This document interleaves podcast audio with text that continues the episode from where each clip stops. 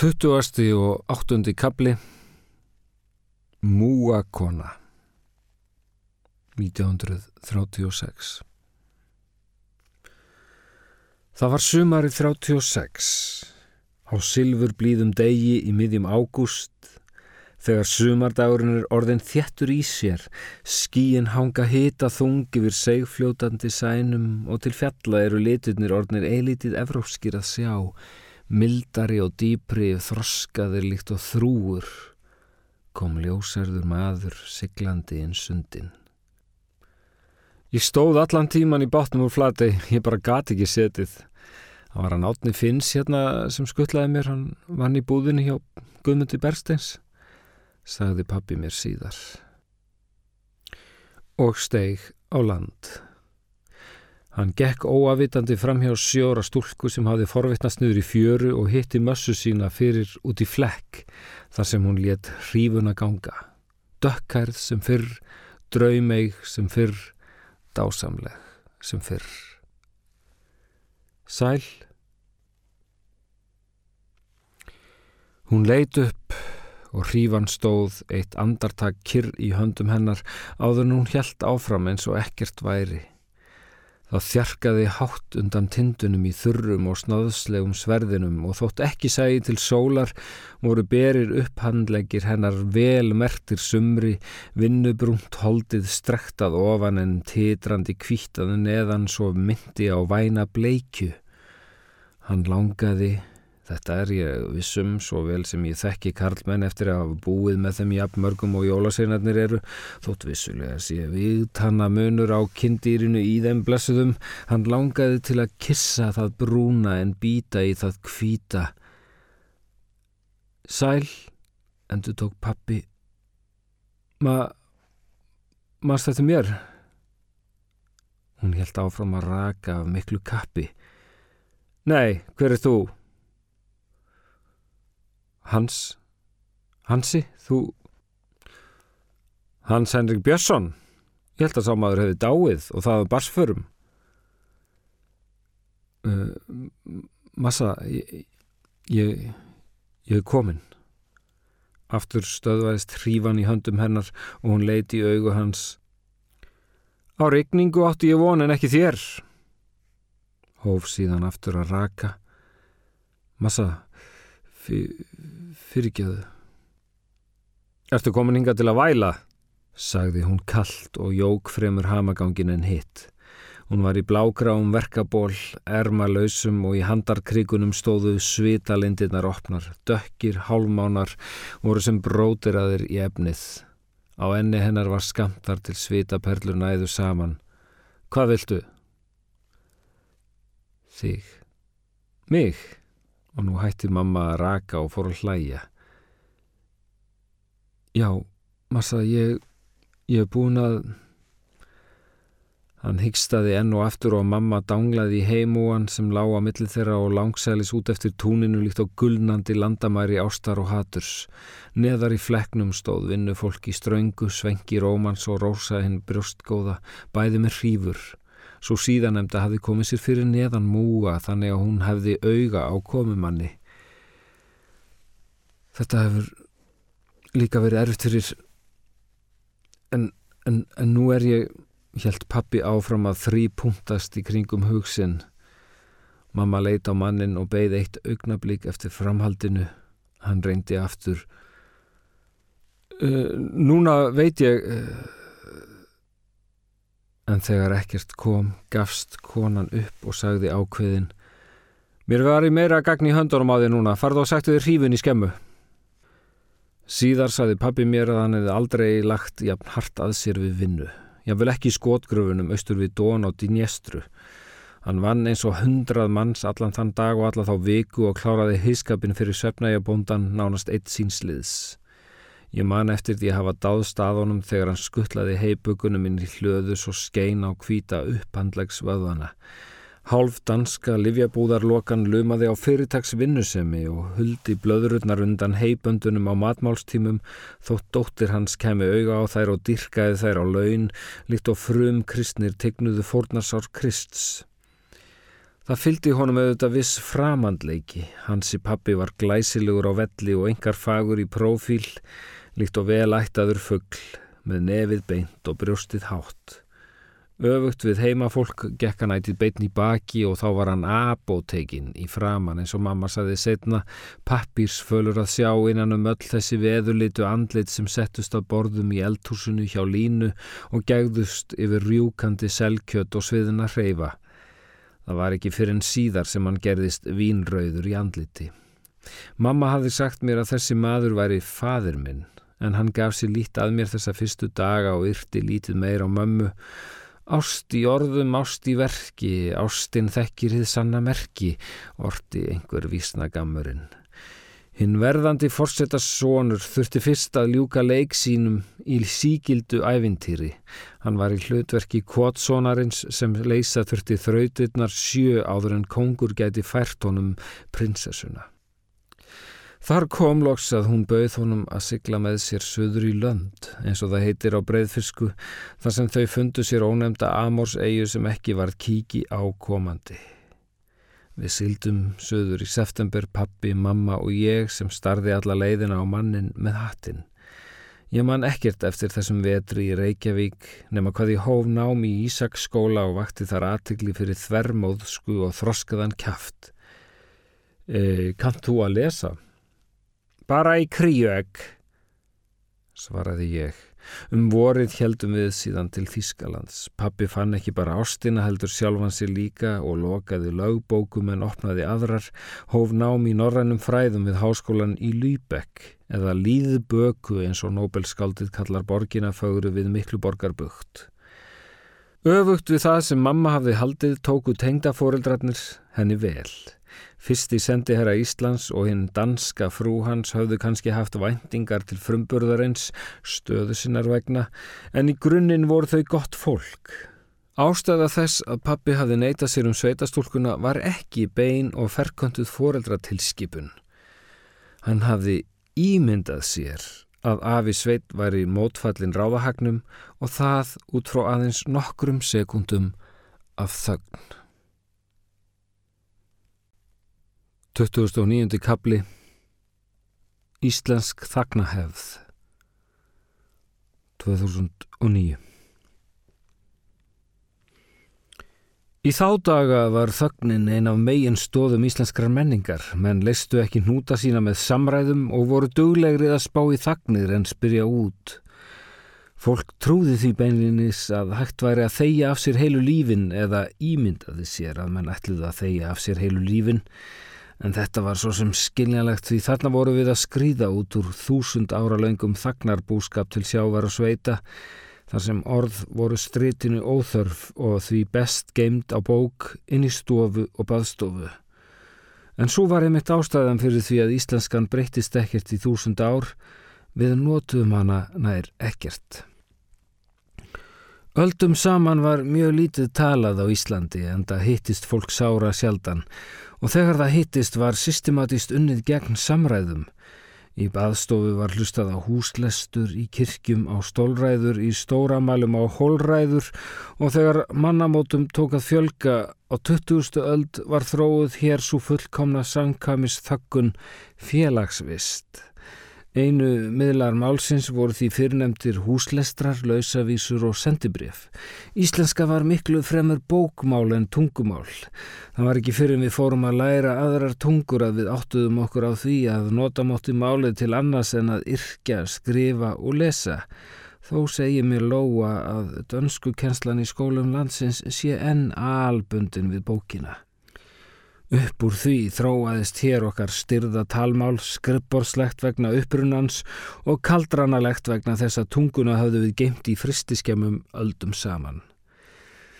Hirt hef ég sagt að svo mikla Íslands þögn sé tilkomin vegna samnings sem forðum var gerður við Norðurlönd. Þeir letu okkur óafreita gegn því að við vardveittum fyrir þá tunguna sem þeir voru þá óðum að tapa með uppsleikjum sínum við þískar og franskar hyrðir og það sem maður geymir fyrir aðra snertir maður ekki sjálfur. Samkómulagið sviku þeir þó að öllu leiti því fyrir en varði voru við orðin nýlenda þeirra og þegar við svo hafðum geimt fyrir þá tunguna í þúsund ár skínandi hreina og svo til ónotaða, vilja þeir ekkert með hann að hafa en ætlast til þess að við brúkum þeirra útvötnuðu afbreyði af gullinu sem við gemdum, sjálfri latínu norðursins. Við Íslandingar göngum því með fjársjóð í trantinum, staðreind sem hefur líkast til mótað okkur meira en annað.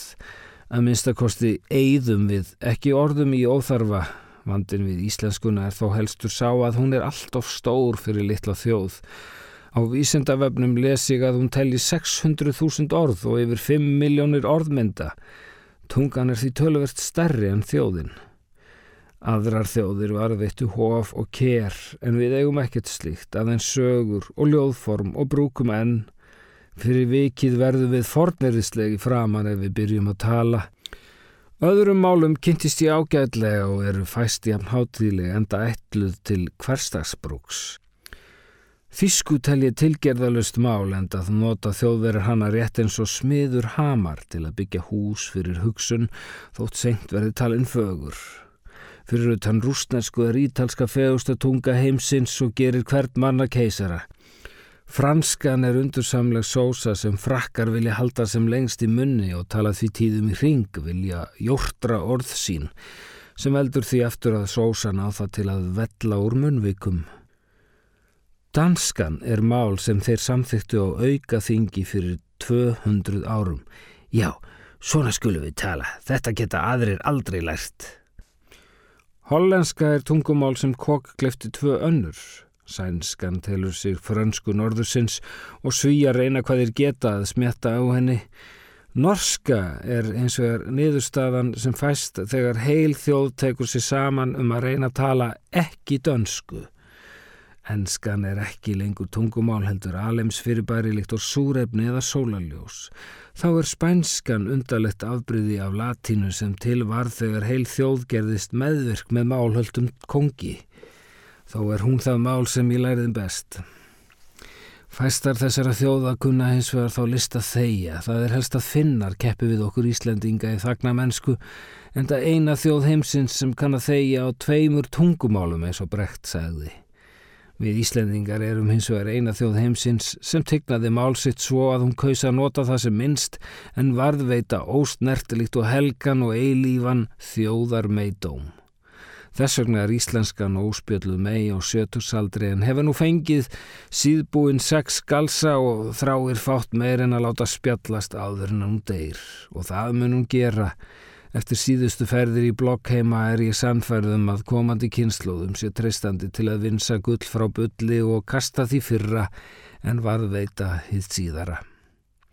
Íslensk þagnahefð er því samofinn íslenskri sagnahefð og samkvæmt henni létt fadur minn sem við mamma værum ekki til í sjö heil ár.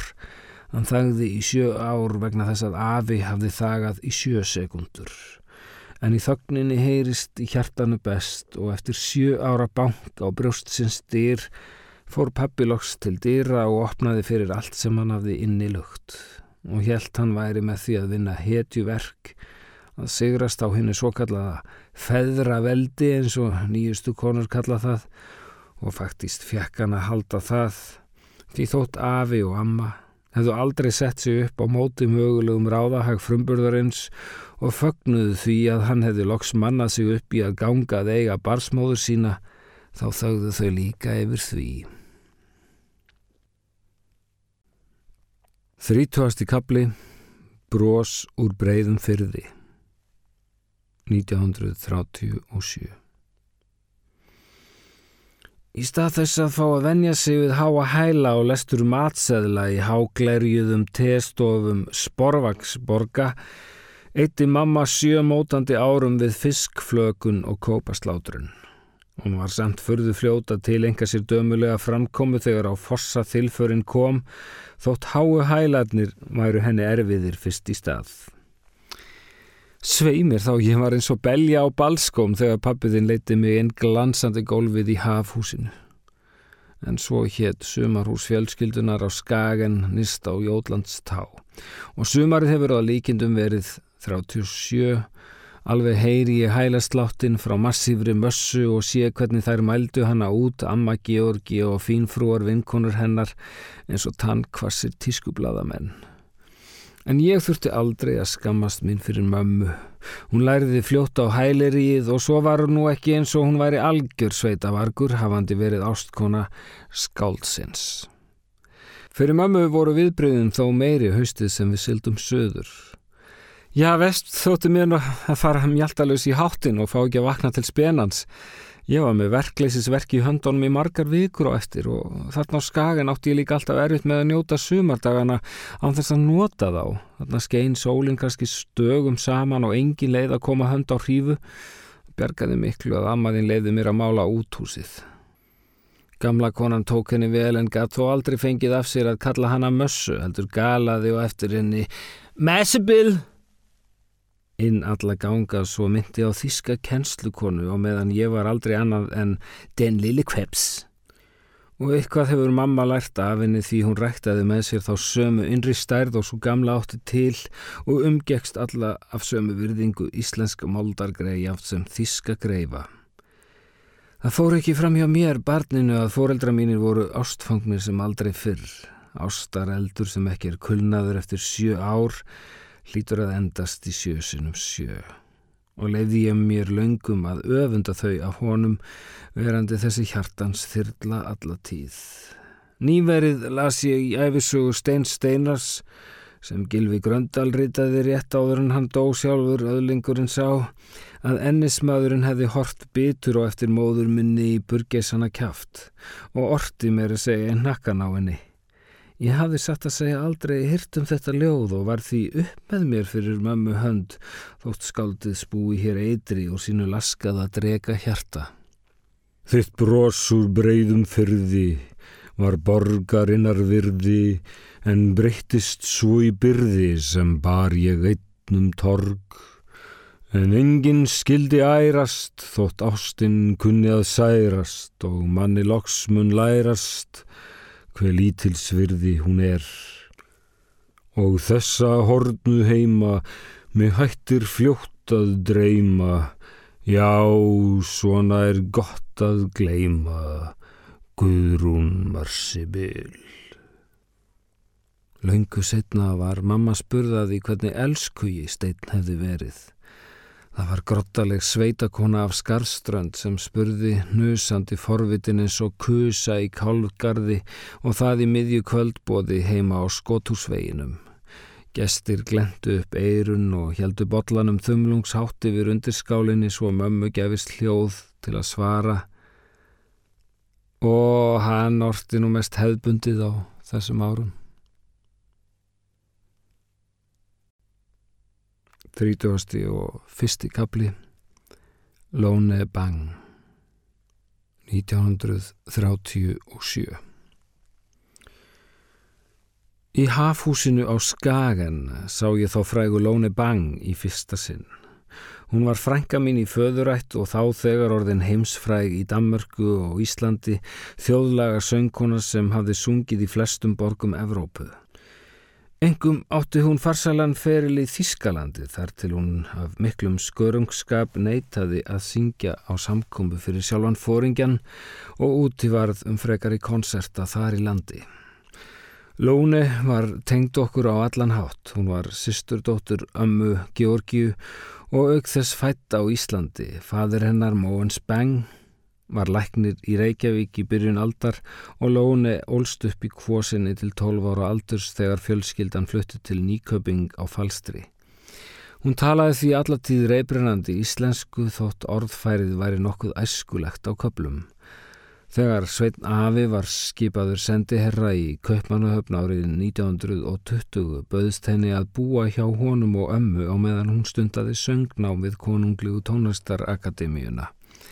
Tvítug stúlka komin á heimili færtugra hjóna, móður sýstur sinnar og mann sennar og var þegar í stað hjartkær börnum þeirra. Síðar nam hún í París og helgaði sig þjóðlögum allra landa, gatað lokum sungið á 17 tungum og talaði sjö. Hún var tíður gestur hjá fjölskyldunni allt þar til afi dó Hann kallaði hana aldrei annað en lóuna og tilkynnti jafnan komu hennar vorglaður í bræði. Lóni var afar glæsilega en sérstök í útliti. Andlitið var jafn stórskórið og röttinn, kinnbennin jafn uppsett og hárið, nefið tígulegt og tíðum talið gýðinglegt, en ég heyrði hana marg oft harma að hafa ekki fundið gýðingablóð í sínum ættum. Hún hefði tekið ástfostri við menningu gýðinga og söng þjóðlög þeirra bæði á jiddísku og hebresku og fekk aldrei fyrirgefið pappa að hafa gengið nazismannum á hönd. Á heitur sumarkvöldi í júli 37 var blásið til visslu í hafhúsinu. Meðal gesta var leikarin frægi Pól Raumert og hinn íslenska eiginkona hans Anna Borg, en þau áttu sumarhús í grendinni og voru kunningja hjón af á ömmu. Ég man nú lítið af því kvöldi annað en hæla glamrið í mömmu og húskonsertin eftir matinn. Undurleikarin Rauter settist við flíil og Lóni Frænka stilti sér upp á svartum einföldum kjól með uppsett hár og högu.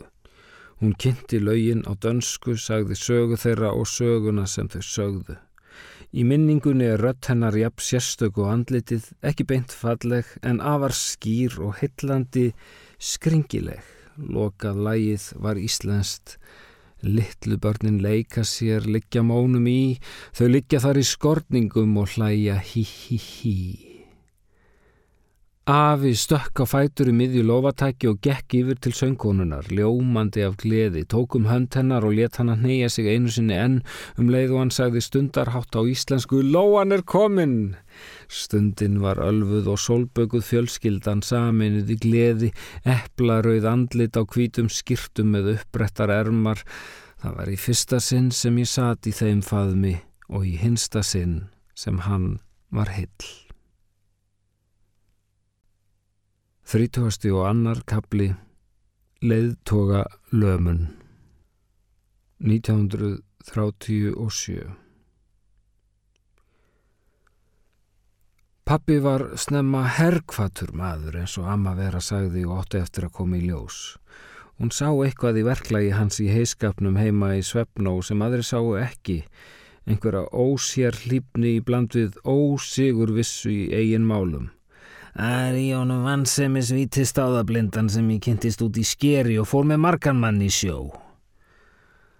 Pappi gekk nazismannum á hönd var einn örfára Íslendinga sem börðust með þjóðverjum í setna stríði og sá eini sem fór með bissu inn í Rústland. Ég held því fram að hann hafi látið glepjast af búningum fremur en öðru. Afi hans var á þeirra Íslands nr. 2 og fadir hans fyrsti sendi herra landsins báðir áttu borðalagðan búningin í skáp og harðan hatt með fjadraskúf. Pappi var hins vegar öllum borðum fjarrri þótt honum hefði tekist um 14 mánada skeið að reyka innflutningsfyrirtæki í Kaupmannahöfn, ævintýri sem endaði ærið snögglega á vandræðastað í Kíl. Óprútin kollegi í kunnahópi hafði af honum kvittanir, farmbrif og seðlaveski og fadur minn satt í gíslingu staðarhaldara á annan sólaring und sendi herra Íslandsk ekki málið og lagði út fyrir næturgamni og 17.000 stálklemmum fyrir stórþóttahús. Nokkrum vikum síðar var hann mættur í heiskap á miðjum breyðafyrði og helt síðan til Þískalands vorið eftir að velja sér háskóla. Fyrir óláns tilviljun stóð hann rétt tæplega þrítur á kæjanum í Hamburg þann 5. mæi 1937 og sá þar hjalta litla í fyrsta sinn þar sem hann výði stærsta skemmtifæraskip heimsins Vilhelm Gustloff við hátilega aðtöfn og mikinn múk. Pappi og fleiri Íslendingar í fyrirstríðs Þískalandi kölluðu Hitler aldrei annað en hjalta og eftir að Hjalta bækurnar frægu komu út tók ég upp á því að kalla hann Hjalta litla, föður mínum til armæðu. Pappi talaði allt of oft um þennan atburð. Að líta leiðtóan mikla virtist hafa brennimert sál hans. Þá þegar hafði Norrannudeldin í Lübeck breyst í einhvers konar réttlætingarstasjón fyrir nazismann. Rætur hans væri að finna í norrætning goðafræði og sögum Íslendinga og hugssjónin fætt með því blondfagra fólki sem byggði Norðurból. Pappi var því veikur maður á vondum stað, ljósherður vikingur sem talaði þísku með arja hreim og var auk þess af ríkisháum ættum. 20 mínútum fyrir stríð runnu blóðhundar Himmlers á lyktina, fundu út að herr Björnsson var ekki aðeins ofur arji heldur sonur aðsta embætismanns landsins gríðalegur fengur. Þeir buðu honum gull og gráan búning með rúnaletri SS. Hans Henrik Björnsson var illa haldin af því sem sumir kalla leiðtoga lömun en aðrir stjörnusting. Sjúkdómsenginin eru skýr, í návist fóringja eða filmstjörnu missir sjúklingurinn málið og tapar eigin vilja. Hugsun víkur úr höfði og andlitið ummyndast í eitt hundslegt brós með tilherandi tungulafi. Þetta er hinn lúmskasti kvilli sem leggst á hið ólíklegast á fólk og getur breytt reffilegum herramönnum í slefandi kjöldurakka. Hvað þetta varðar er ég vist dóttir föður míns, en lotningar árátt á mín var þó fremur bundin við listafólk en valdsmenn. Ég fór létt með að heitla vini afa eins og Viljálm Þór sem fekk að vera utanríkisráð þeirra um hríð, en einnig Ólaf Tors og nafna hans Noregs konung. Hins var skalvi ég heilan dag á bestastöðum áður en malinni Dietrich kom í hús. Ég sem var næstu því hagumælt á þýsku kom ekki upp einu orði þegar ég var kynnt fyrir stjörnunni 17 ára gömul og bablaði bara eitthvað á dönsku um leið og mér tókst með langri nögl að klóra lofa hennar er við heilsuðumst. Aldrei sá ég fegur í konu nema þá ég væri greisheitin Kelly fyrstafrú og það er amma örðu óvænt mestum átar Gamla konan gekk með þýsku stjórnunni um allt hús og fekk hann að meira segja í lið með sér á móti afa því þær voru á einu máli um að teppið í stóra salin á Bessó skildi verða grænt en ekki grátt. Sagan endur tók sér svo þegar við Bob sáum Chet Baker í Brussel og hittum hann á knæpu bara á eftir. Bob var mikill nafnadreifari og smjörsleipur inn um allar dýr, hafði þennan sér ameríska eiginleika að þurfa aðeins að líta einu sinni í augun á fólki og þá fannst því endilega að það hafa verið með honum í barnaskóla. Og hann rauguði þetta á tjett og kynnti mig sem nýju kæristuna sína þótt hann hefði aldrei mannin hitt. En þarna misti ég sem sagt málið aftur og heilsaði djassmanninum á þísku eins og bjáni. Hann kom mér fyrir sjónir eins og handstór duggaradrengur úr holminum, hafði sopið nokkrar fjörur og ælt þeim aftur. Það vantaði í hann tennur og út úr þessu hraunstykki sem andlit hans var kom röttin eins og tærasta lindar vatn. I get along without you very well. Alltaf fannst mér þó eins og salin langaði til að skjóta saman í fallegra brósand á honum. Laungu setna herði ég hann söngla í tífóli í Kaupmannöfn en þá var komin leir í lindina. Fólk haldið leiðtúalömun er auðvitað auðblegt til fylgis við sterka menn. Sjálfsagt var pappi líkt og fulltrúi fyrir þýsku þjóðina í heild, niður, lægður, beinbakur, framtíðalös maður af glæstri ætt. Þó var hann svo langt frá því að vera nazist í eðli sínu. Hún var hlýtt til allra manna og einasti vinur hans í Argentínu eftir stríðið var geðingur í húð og hár. Hann tók ekki villtrúna vegna þess að hann væri sammála sterkum skoðunum heldur af veikleika fyrir valdsins villuljósum.